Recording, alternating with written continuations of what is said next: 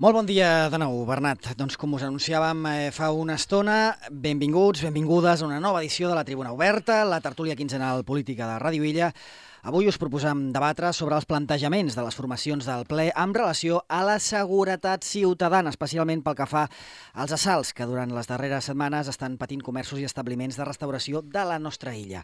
De moment, des de finals de novembre fins ahir, Ràdio Illa ha comptabilitzat 14 assalts. Deim fins ahir perquè el darrer va ser precisament la nit de dimarts a dimecres al Mercat Pagès. La PIMEF i l'Associació de Botiguers de Formentera reclamen respostes a aquesta situació que descriuen amb molta preocupació. Què sabem d'aquests robatoris amb força? Es produeixen de nits, aparentment sense gaire preparació, i els sous en efectius de la caixa registradora dels negocis són el principal blanc dels lladres, tot i que en algunes ocasions també s'han emportat botelles d'alcohol o materials diversos com roba i calçat. Per abordar aquesta qüestió, avui agraïm la presència d'Òscar Portes, titular de Seguretat Ciutadana eh, de Sa Unió. Molt bon dia. Hola, bon dia. També comptam amb Alejandra Ferrer, portaveu de Gent per Formentera. Benvinguda. Moltes gràcies, molt bon dia. I Rafael Ramírez, conseller del Partit Socialista. Molt bon dia. Bé, si us pareix bé, comencem pel, pel conseller del, del RAM de Seguretat Ciutadana, Òscar Portes, perquè faci les seves, diguem-ne, eh, impressions eh, preliminars sobre aquesta qüestió. Com ho veu, conseller? Bé, el primer de tot, compartir les paraules de, crec que de la totalitat de la població de Formentera, que és preocupació.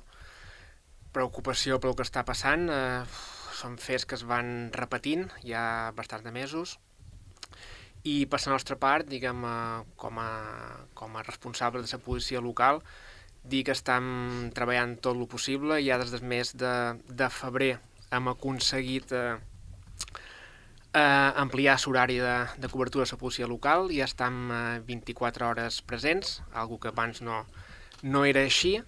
Per tant, ara tenim eh, una patrulla a la nit que està que està circulant, tant a peu com, a, com en cotxe. Eh, clar, encara que estiguen presents, eh, una patrulla és una patrulla, i en les noves tecnologies és molt fàcil eh, poder comunicar, eh, avisar si aquestos, eh, aquestes persones que estan fent això d'aquí no sabem si és una persona, si són vàries, segurament eh, són vàries, és molt fàcil comunicar-se entre elles i poder anar evitant el que seria la policia local o també la Guàrdia Civil si, si, si patrulla el que sí que hem fet és estar en, eh, en comunicació, en diàleg permanent amb la Guàrdia Civil. Hem de recordar que qui porta aquesta investigació és la Guàrdia Civil. Nosaltres ajudem amb el que és la prevenció, en tot el que podem, però al final la Guàrdia Civil qui, qui eh, porta aquesta investigació endavant. Per tant, és, la comunicació ha de ser molt fluida, ho és, i deixar treballar les forces de seguretat i esperar que en breu arribin resultats i que finalment els, perdona, els hagin pogut, eh, els puguin agafar. Des de l'oposició, Alejandra Ferrer, Geparefa, com ho veieu? Eh, sí, bueno, una situació molt, molt preocupant. De fet, no, no recordo un, un temps tan llarg i amb tants de robatoris eh, seguits. Sobretot sembla que són robatoris, com dèieu, pues, no professionals, no? És a dir, sembla eh, pues, mm, per la quantitat que es roba, per tal, mm, tampoc és que, que surtin eh, molt, molt a compte. No? El que sí fan és molt de mal al nostre petit comerç i, i sobretot a la sensació de seguretat de, de la nostra illa, no? tant en el que respecta a comerç com en el que respecta a, a la resta, perquè ara són comerços, però mm, qui ens diu que això no acaba els habitatges eh, particulars. En aquest eh, sentit, nosaltres eh, durem a més una proposta en espai ple ordinari d'aquest mes, que ja ha estat presentada en quant a la eh, reclamació de la convocatòria de la Junta Local de Seguretat. És una junta que s'hauria d'haver convocat ja abans de finalitzar l'any 2023, que encara no s'ha convocat i que justament el que fa és coordinar els diferents cossos i forces de seguretat amb tot el que pugui eh, aportar també el Consell Insular de Formentera i en moments com aquest on ens trobam amb, amb fets tan particulars a la nostra illa com aquest, normal normalment inclús es fa alguna junta local de seguretat extraordinària. Eh, no podem entendre per què aquesta passa no s'ha donat, a part de que bueno, el Consell està com està i la crisi aquesta que estava acabada pues, ja estan veient que no ho està i que són moltes les coses que es queden, eh, es queden pel camí i nosaltres creiem que aquesta és una de, una de tantes. També vaig tenir l'oportunitat de parlar amb, eh, amb la Guàrdia Civil, amb un d'ells, i eh, ens va dir pues, que estaven tenint problemes també per tenir tots els efectius que tenien eh, fins ara i crec que és una reclamació que també hauria de fer el Consell de cara a eh, pues, més eh, altes estàncies de poder recuperar aquest número i augmentar-lo, no? que crec que és una reclamació que han fet tots els partits polítics al llarg eh, dels últims anys. Eh, augmentar les forces i cossos de seguretat, tant els estatals com, eh, per suposat, els eh, locals i poder fer els canvis normatius que siguin necessaris perquè eh, no ens passi com ens passa, no? que és que feim els cursos aquí de policia local i després, pues, eh, en quant acaben, se'n van cap a una altra illa on pues, per les seves condicions eh, particulars eh, els, hi, els, hi convé, els hi convé més. Crec que eh, s'ha de fer feina, estic segura que la, la policia eh, municipal i també la Guàrdia Civil estan fent tot el que poden, però eh, hem de reclamar encara més recursos si amb això no és suficient. L'altre partit de l'oposició, el PSOE, Rafael Ramírez. Bueno, por lo primero de todo, nuestra mostrar la solidaridad con las personas afectadas, ¿no? que yo creo que al final pues es los perjudicados pues son siempre los que bueno deben tener más reconocimiento ¿no? por, por parte de las instituciones y por parte de los grupos políticos. Eh, hay, un elemento que es importante, ¿no? Es el concepto de seguridad. ¿Por, qué, ¿Por, qué, la seguridad pública es importante? Bueno, es importante porque nos permite ejercer nuestros derechos civiles y sociales. Es decir, en un, marco donde hay una sensación de seguridad, pues bueno, pues la gente actúa con, libertad, ¿no? Y eso es la defensa de los derechos. Eh, si hablamos de concepto de seguridad global sobre la isla, bueno, pues lo que lo que entiendo es que, que bueno, pues eh, vivimos una isla segura, ¿no? Eh, hace unos pocos años también tuvimos una banda que se dedicaba a una, una, banda concreta que se dedicaba a saltar casas, ¿no? Y además fue genera estos hechos, ¿no? Porque claro, están, están entrando en tu intimidad, están entrando en tu vida, eh, entran en tu casa. Bueno, pues eh, tuvimos un, una serie de asaltos que ¿Cómo se resuelve esto? Porque estamos hablando de hechos puntuales. O sea, yo lo que, lo que sería un error es que la, la, las instituciones, los partidos políticos, hablasen de que Formentera no es segura. Vivimos en un entorno seguro, ¿no? Y esto mm. lo vemos pues los que tenemos hijos, que somos capaces de dejarlos en el parque, eh, con una vigilancia regular. Es decir, ¿por, ¿por, qué? Porque nos encontramos en un entorno seguro, hacemos, mm, nos movemos con libertad, es decir, nuestra seguridad está garantizada. Yo creo que esto también hay que ponerlo encima de la mesa. ¿Y qué estamos viviendo? Pues estamos viviendo pues un desastre para, para pues 14 robos ahora seguidos, donde, bueno, pues obviamente parece que son los mismos y, y tenemos ese problema de que, eh, bueno, pues en el comercio genera una inseguridad lógica, lógica, pero que no es ampliable al resto, ¿no? No, no, no vivimos en un sitio donde, donde hechos más delictivos como, como puede ser, eh, yo que sé, asaltos con fuerza, como puede ser asesinatos, esto no pasa, ¿no? Esto por, por lo general es muy escaso, ¿no? Entonces, vivimos en un entorno seguro que ahora tenemos un problema pues con unos ciudadanos concretos que se dedican, pues que hacen de su vida pues un oficio muy concreto y a robar. Y en todos los sitios hay delincuencia. Estoy de acuerdo con, con lo que decía la señora Ferré, eh, con la compañera Alejandra, pues que obviamente, eh, bueno, lo que no se puede entender es que después del verano siempre ha habido una junta de seguridad, ¿no? Que estaban convocados todos los partidos políticos. Este año no. Es decir, esto, esto es importante porque mm. es el, el, tema donde se debate, donde se analiza y donde la policía, eh, la delegación insular, pues te da los datos de, de, violencia, como ha ido el verano, de violencia no, de, de, actos criminales, de criminalidad, como ha ido el verano, y se hacen aportaciones. Y un hecho como este, pues seguro que hubiera salido y se hubiese puesto encima de la mesa, se hubiese analizado, ¿no? entonces, bueno, pues con el fruto de ese análisis se hubieran tomado medidas. No las vemos, no vemos ningún tipo de medida y no vemos que ese hecho y esa mesa de diálogo, pues no se ha convocado. Eso es triste. Y luego, obviamente, la seguridad ciudadana tiene que ver con la Guardia Civil. El, el hecho de, de, de, resolver crímenes ¿no? sí, y, sí. y, delitos. Está claro. Que hemos pedido siempre, ¿no? Y es el trabajo que yo creo que todos debemos empujar. Y es que el cuerpo, la Guardia Civil, eh, pues tenga aquí un grado más en cuanto al establecimiento que tiene. Es decir, ahora es un, ahora es un puesto, eh, no es principal, y lo que tiene que ser es un puesto principal. ¿Por qué? Porque lleva asociado unos efectivos diferentes. Es decir, no sé si os acordáis cuando, cuando se robó el, el, Casba, ¿no? Digo el Casba y pido perdón al propietario, pero bueno, esto fue un hecho que, que, todo el mundo lo sabía, ¿no? Claro, eh, teníamos la suerte que contábamos con un efectivo de la Guardia Civil, que, eh, de Policía Judicial, que trabajaba en Ibiza, pero vive aquí. Los pillaron cuando bajaron del avión en Madrid, en tres días, con todo el efectivo, ¿vale? Y con el tiempo, pues después del juzgado recuperó el dinero que le habían robado, que era una cantidad importante.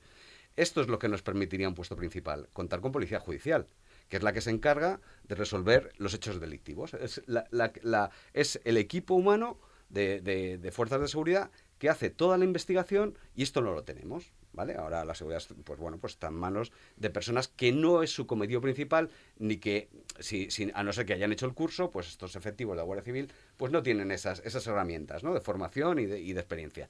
Y yo creo que esto es parte de una de las necesidades que realmente es imperiosa, porque sí que mejoraría, mejoraría bastante eh, este ámbito de la investigación. Hechos delictivos, por desgracia, vamos a tener siempre, siempre, lo que previene también la delincuencia es que se resuelvan rápido y que la justicia sea rápida. Entonces, pues obviamente eso ya marca, sí que marca una pauta, ¿no? Es decir, si bueno, es el tercero tan pillado, bueno, pues te has evitado 11, en este caso concreto, te has evitado 11 y también es un aviso para navegantes, no? Esto para empezar.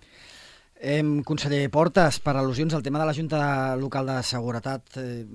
Sí, sí, comparteix eh, completament les paraules dels companys de, de suposició eh, aquesta Junta de Seguretat s'havia de convocar, estava prevista per mes de, de desembre, sempre és eh, expectatives de l'agenda del president i és el president qui la convoca i mm, aquí estem, esperant que el president eh, tingui l'agenda per poder-la convocar.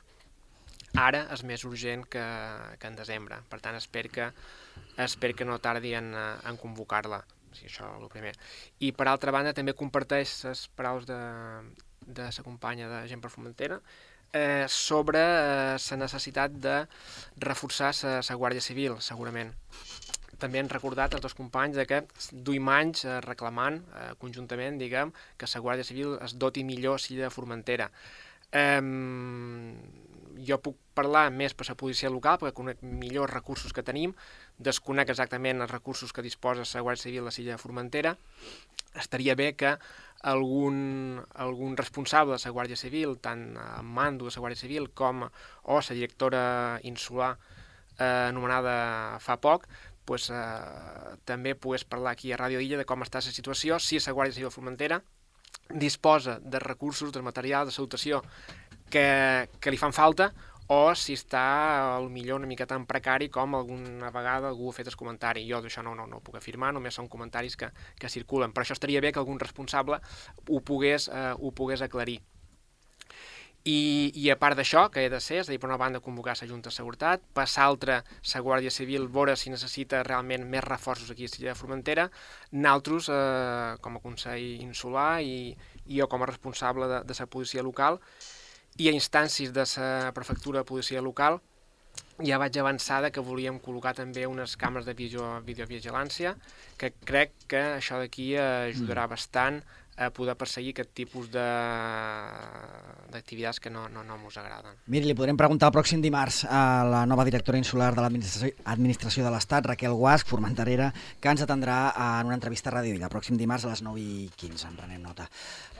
Des del PSOE, Rafa Ramírez, Bueno, tres temas importantes, ¿no? El tema de las cámaras me parece bastante importante, la Guardia Civil y la dotación, y lo otro era lo, de lo, de, lo del presidente.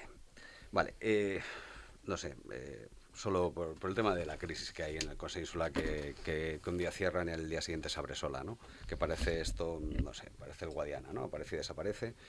Eh, bueno, obviamente la, es que cada vez que, cada vez que, que pasa algo, resulta que es que hay algo que no funciona y no funciona la coordinación, no funciona el trabajo de, eh, del liderazgo político y, esta crisis que nunca se resuelve. Si un día se cambian de asiento, al día siguiente no, no convocan reuniones, bueno, pues estamos en una situación permanente que yo creo que, que por el bien de los ciudadanos deberían intentar resolver eh, cuanto antes. Pero bueno, hoy nos encontramos que, bueno, pues las noticias que todo el mundo ha leído, que no comentaré más. Vale, eh, el tema de la, de la, dotación de Guardia Civil. Estos últimos años se ha hecho un esfuerzo y de hecho, y de hecho bueno, pues tenemos un equipo que viene de, de, de Mallorca en verano para apoyar, lo hemos tenido, que ha estado incluso ayudando con pateras, seguridad ciudadana, con, con eventos y se desplazan. Eh, hemos tenido Guardia Civil eh, de tráfico como todos los años, hemos tenido un refuerzo de, de guardias civiles que vienen a aprender, o sea, ese primer año de prácticas lo hacen, o sea, hemos ido incrementando poco a poco eh, la presencia, sobre todo en la temporada más, más importante de, concentración de turistas y de gente, se ha ido incrementando. Y obviamente el, el siguiente paso, o sea, es que yo no, aquí sí no tengo dudas, es que sea un puesto principal, ¿vale? Porque eso permitirá pues atención ciudadana todo el día, eso, eso implicará eh, pues que haya policía judicial, es decir, es, es, es, y, una dotación de, de, medios humanos. Este es el camino, ¿no? Y este es el que yo creo que debemos empujar todos, por otro lado. Y luego está el tema de las cámaras. Bueno, el tema de las cámaras es un tema con, controvertido. Es decir, ¿por qué? Porque generan una falsa sensación de seguridad. Es decir, tú colocas un, una cámara en una calle, o en la plaza mayor, o en no sé dónde, y puede que ese entorno sea seguro. O sea, un poco más seguro. ¿Vale? O sea más disuasorio que no seguro. No implica, no, es lo mismo. ¿vale? Sea un poco más disuasorio porque está, porque tienes la obligación de, tienes la obligación de señalizarlo, con lo cual, bueno, pues estás dando una pista de que ese, ese entorno está videovigilado y tal. Pero bueno, ¿qué, ¿qué está pasando en otras ciudades cuando se hace esto? Que desplazas la delincuencia. Es decir, ahí no se comete el delito, ¿vale? Pero se comete en las casas, lo que decía, lo que decía la señora Ferrer. O sea, se, comete en las casas porque, porque se desplaza, porque sabe que ahí no hay videovigilancia, no hay una cámara por todos los sitios. ¿Cuántas ponemos? Por todo lo llenamos todo de cámaras. Hacemos como en ciudades europeas donde, donde han puesto 1.200 con reconocimiento facial y de repente la libertad de los ciudadanos y el derecho a intimidad empieza a estar, eh, bueno, en cuestión. O lo hacen en, China. Las últimas, yo he ido a una feria de seguridad y he visto que ponían cámaras de seguridad en la universidad de tal forma que cualquier estudiante que pasaba aparecía automáticamente en la pantalla de control el nombre del señor o de la señora o señorita. Es decir, bueno, es que el debate es más serio. ¿Esto lo hacemos sin ningún tipo de informe? ¿Esto lo hacemos, tomamos la idea sin, sin, un plan de seguridad?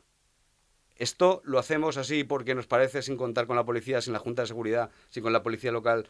Es decir, bueno, yo creo que, que hay medidas, primero que tiene que estar todo planificado, porque es un concepto, seguridad y una seguridad activa, que es la que se hace eh, mediante la presencia de los fuerzas cuerpos de seguridad, y una seguridad pasiva. ¿Vale? La seguridad pasiva, ¿qué tiene, ¿con qué tiene que ver? Pues con una cultura democrática, tiene que ver con una iluminación de la calle, tiene que ver con la estructura eh, arquitectónica de, cada, de cada espacio. Eso es seguridad pasiva. Con la limpieza, es decir, eh, con, un sitio más limpio se reduce la tasa de criminalidad. Es decir, es un elemento, o sea, la, seguridad no es, no es una cosa que decimos, ¡puh! Ahora ponemos tres cámaras, o cinco, o siete. ¿Quién las controla? Claro, ¿dónde ha funcionado muy bien? En Londres. ¿Por qué? porque además de las cámaras de seguridad se, se, hace, se hace presencia directa, directa, inmediata, inmediata, porque hay patrullas especializadas en que están viendo las cámaras de seguridad y cuando detectan un hecho delictivo se suben al coche y se, y se presentan allí y los pillan infragantis. ¿Vamos a tener eso aquí? No, porque no tenemos los medios. Es decir, bueno, es, es, eh, en algún sitio muy concreto puede que mejore eh, mejore la seguridad o, prevenga el, hecho delictivo, pero lo que se está viendo, porque el debate es más serio, es primero que está el tema de, la intimidad, de los datos personales, luego está el tema de que desplazamos el delito, la comisión del delito lo desplazamos a otro sitio, ¿dónde lo queremos desplazar? Y luego que no hay un plan, es decir, porque, bueno, tú puedes, te puede pasar esto o las cámaras las puedes tener en los locales. Y a lo mejor, eh, cuando entres al local, lo que estás viendo es cómo te están robando y sale la cara de, de, del fulano. Es decir, bueno, crec que és un debat un poc més, més riguroso. No? Sobre aquest pla pilot de videovigilància a través de càmeres, conseller, no sé si vol afegir algun... No, no, per fer una conclusió, les paraules del companyer, company de, de, de, de SOE, ha quedat clar que no, no li agraden les càmeres. És l'única conclusió que, que puc fer. No. I no, no, és res, eh, no és res improvisat el que estan fent, no és un capritxo nostre, s'ha tingut en compte la prefectura de policia, són ells que m'us ho reclamaven des de que vam entrar, i, eh, i comptaran tots els informes necessaris perquè s'apliquin de, de la millor manera possible. Bueno, jo, eh, sincerament, després d'aquesta resposta de que la Junta Local de Seguretat depèn de l'agenda del, del president, eh, pues, encara em quedo un poc més, més preocupada, no? des del punt de vista aquest de aquesta crisi que es va publicar per part del president que s'havia acabat, que vàrem anar a una, a una tertúlia a IB3 Ràdio i el senyor José Alcaraz també va dir que no hi havia cap crisi i que estava tot perfectament i que la comunicació era perfecta i que tot estava bé. Tres dies després ja surt als diaris que amb els quioscos Sa Unió no està contenta perquè el president no està resolguent. A veure, jo crec que això ja estem arribant a un punt una altra vegada que no s'ho pot creure ningú perquè no tot és culpa de... no tot pot ser culpa del president ni menys temes que al final final s'hauran de tractar a una junta de govern on tots els que hi formin part hauran de participar com amb, amb el tema dels, eh, dels quioscos. Ara parlam d'aquesta junta de portaveus. Sincerament, si això és culpa del president, la resta de consellers hauran de fer alguna, alguna cosa. Jo crec que tenim clar, i això, com deia, ho duim eh, parlant molt de temps, que hi ha manca d'efectius. Hi ha manca d'efectius a la Guàrdia Civil, hi ha manca d'efectius a la policia municipal i eh, hem de parlar també de que nosaltres ni tan sols comptam no? amb policia nacional, que en el cas d'Eivissa, pues, en un cas extrem, dona una mà en, eh, en, aquestes, eh, en aquestes coses. Pel que respecta al tema de les càmeres, pues, jo he d'estar d'acord amb, amb el company del, del PSOE perquè eh, estar-hi o no d'acord no és la temàtica, la temàtica és per què ens han de servir. I si al final les posam perquè el delicte es, es cometi igual i poder agafar qui està, doncs les posam dins i no posam en joc el que és la intimitat i la privacitat de les persones que caminen normal al carrer. Crec que amb el nombre d'efectius que tenim ara mateix, parlar de posar unes càmeres i que estiguin atents tot el dia i eh, actuïn de manera immediata és impossible, així que eh, bueno, crec que igual es podria donar un cop de mà i, i fer un pla d'acció eh, per ajudar els comerços perquè eh, es facin més segurs i no es trobin amb, eh, amb aquestes eh, situacions. I després continuar treballant, evidentment, en poder augmentar els efectius necessaris per eh, eh, pues, millorar aquesta, aquesta part de, de seguretat que, de la que ara parlam. De fet, els botiguers, en una entrevista aquí a Radio Illa de fa pocs dies, van reclamar que mm, es redactàs i s'aprovàs un pla local de prevenció i seguretat que, segons ens, ens van explicar, doncs, hauria de constar d'uns criteris per elaborar un diagnòstic de l'escenari que permeti establir graus de criminalitat que contemplin actuacions concretes de resposta adequada per cada circumstància per part de les administracions i forces de, de seguretat. Com, com veieu aquest pla local de prevenció? Els botiguers estaven a favor, per cert, del tema del pla pilot de, de, de càmeres de videovigilància i, de fet, ells el que instaven era doncs, que se n'instal·lassin més, perquè en un primer moment, segons tenim entès, eh, s'implementarien en eh, equipaments públics i bateries de, de residus. Ells sol·licitaven doncs, que també es posassin en carrers, especialment comercials, o als accessos dels pobles. Això del pla de prevenció, mm, com, com ho veu, conseller? Va. Val, eh, estem en contacte amb, eh, amb aquesta associació i ja hem previst una reunió la setmana que ve. En aquesta reunió ja els explicarem com, com treballem, quines passes estem portant a tema per mirar de, de solucionar, de lluitar contra aquests delictes i, eh, i els escoltarem, també els escoltarem a veure si ens poden aportar uh, alguna idea, però bueno, els explicarem una miqueta de quina manera funcionam, perquè hem de tenir en compte que parlant de seguretat uh, pública, seguretat ciutadana, hi ha certes coses que uh, les paraules s'han de, de mesurar i intentar potser no fer-les tan uh, públic perquè al final la persona que fa el delicte se'n pot aprofitar de, de tenir tanta informació. Per exemple, aquí els ja companys de suposició eh, mostren algunes preocupacions, jo en privat ja miraré a parlar amb ells per a, perquè estiguen més tranquils i de per què serviran, perquè si comencem a fer spoilers, potser llavors més fàcil eh, evitar aquest funcionament que nosaltres, si les volem posar, perquè sí que portarà unes millores, eh, per tant, eh, ja parlaré amb ells per a, per a que estiguen tranquils i que no hi haurà cap problema de privacitat i de que realment eh, poden ser efectives perquè així m'ho han dit eh, amb sostenis que que hem consultat. Bé, més enllà d'aquesta mm, convocatòria de la Junta Local de Seguretat, com, com ens explicava el conseller Portes, doncs eh, ha de ser convocada pel, pel president. Pregunto si hi ha unanimitat pel tema de sol·licitar el que deia abans el conseller Ramírez, això de que el lloc de la Guàrdia Civil passi a ser un lloc principal. Això ho veieu amb bons ulls?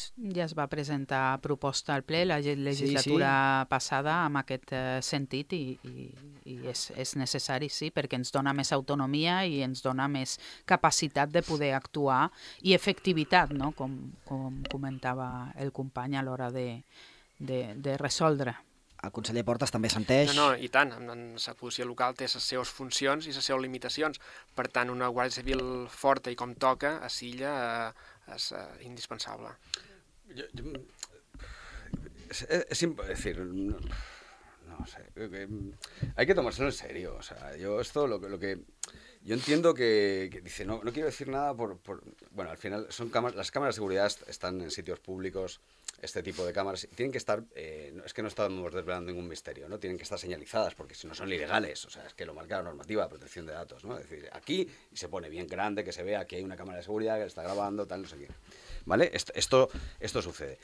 Si yo, preparándome a tertulia, pues bueno, yo este, hace unos años estudié política, gestión de política pública, entonces eh, había un módulo de seguridad ciudadana, ¿no? Y bueno, pues, pero recordando cosas, ¿qué dicen los expertos, no? Hice, bueno, pues un experto que de, la UOC, yo estudié un máster de, gestión pública en la UOC, la Universidad Oberta de Cataluña, y, ¿qué te dice? Dice, 10 claves, ¿no? Te dice, sentido de pertenencia, sentido de pertenencia a la ciudadanía, ¿no? Es decir, un sitio donde la gente se siente que pertenece a este sitio, eh, se hace más seguro por sí mismo porque la gente cuida de lo suyo, porque lo, toma como suyo, ¿no?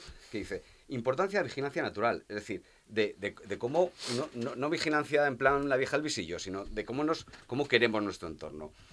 Eh, la perspectiva de género aplicada al diagnóstico de la seguridad.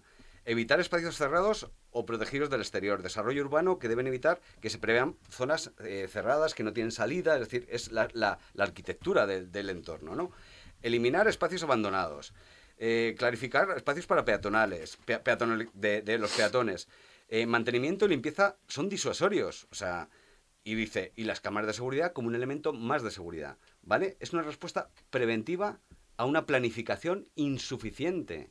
Cuando no hemos hecho los deberes, cuando no tenemos un entorno seguro, y hay otro elemento, que es la desigualdad social. Es decir, ¿dónde, son las, ¿dónde están los ratios más elevados de delincuencia? Bueno, pues los tienes en barrios muy concretos de Estados Unidos de Nueva York, tienes en Colombia, las ciudades más peligrosas es donde hay más eh, desigualdad social. Entonces, tenemos muchos elementos, muchos elementos que trabajar y eso se puede planificar y estaría bien que hubiese un plan, o sea, estaría muy bien que hubiese un plan compartido, compartido en la Junta de, de Seguridad local, pero también con el Entidades, o sea, con los partidos políticos, es decir, porque, bueno, al final es un elemento clave porque nos dedicamos, es decir, la seguridad, igual que la limpieza, que salía esta mañana en Radio Villano, eh, bueno, pues la seguridad hace que nuestra generación de riqueza eh, pues sea más segura, más compatible, porque la gente va, evita sitios inseguros y se mueve turísticamente a sitios más seguros. Y Baleares tiene una cantidad de turistas porque es un sitio que dices, bueno, claro que se cometen hechos delictivos, como en todos sitios del mundo, pero existe esa seguridad. Para acabar, consellera, Sí, bueno, jo torno en aquesta necessitat de, de eh, convocar aquesta Junta Local de Seguretat per treballar aquesta temàtica també, per veure de què estan parlant, és a dir, són joves, són persones eh, de més edat, són persones amb més necessitats, té a veure amb, aquesta, eh, amb aquest desequilibri social. Mm, per què ho hem de saber? Pues perquè hem de reaccionar i prendre tota una sèrie de mesures que tenen que veure, com, com s'ha dit, pues, també amb aquesta estructuració tant de la nostra societat com de l'entorn per millorar aquesta, aquesta seguretat. I ja per concloure, conseller Portes. Sí, bueno, jo crec que en el segle XXI, el segle de les noves tecnologies, eh, allí on no podem arribar amb recursos personals, crec que hem d'arribar amb tecnologia. Per tant, estar en contra d'aquesta tecnologia crec que és contra, contraproduent. Nadie està en contra. Moltíssimes gràcies a en Rafa Ramírez, a Òscar Portes, a Alejandra Ferrer i que tingueu un molt bon dijous. Gràcies. Gràcies.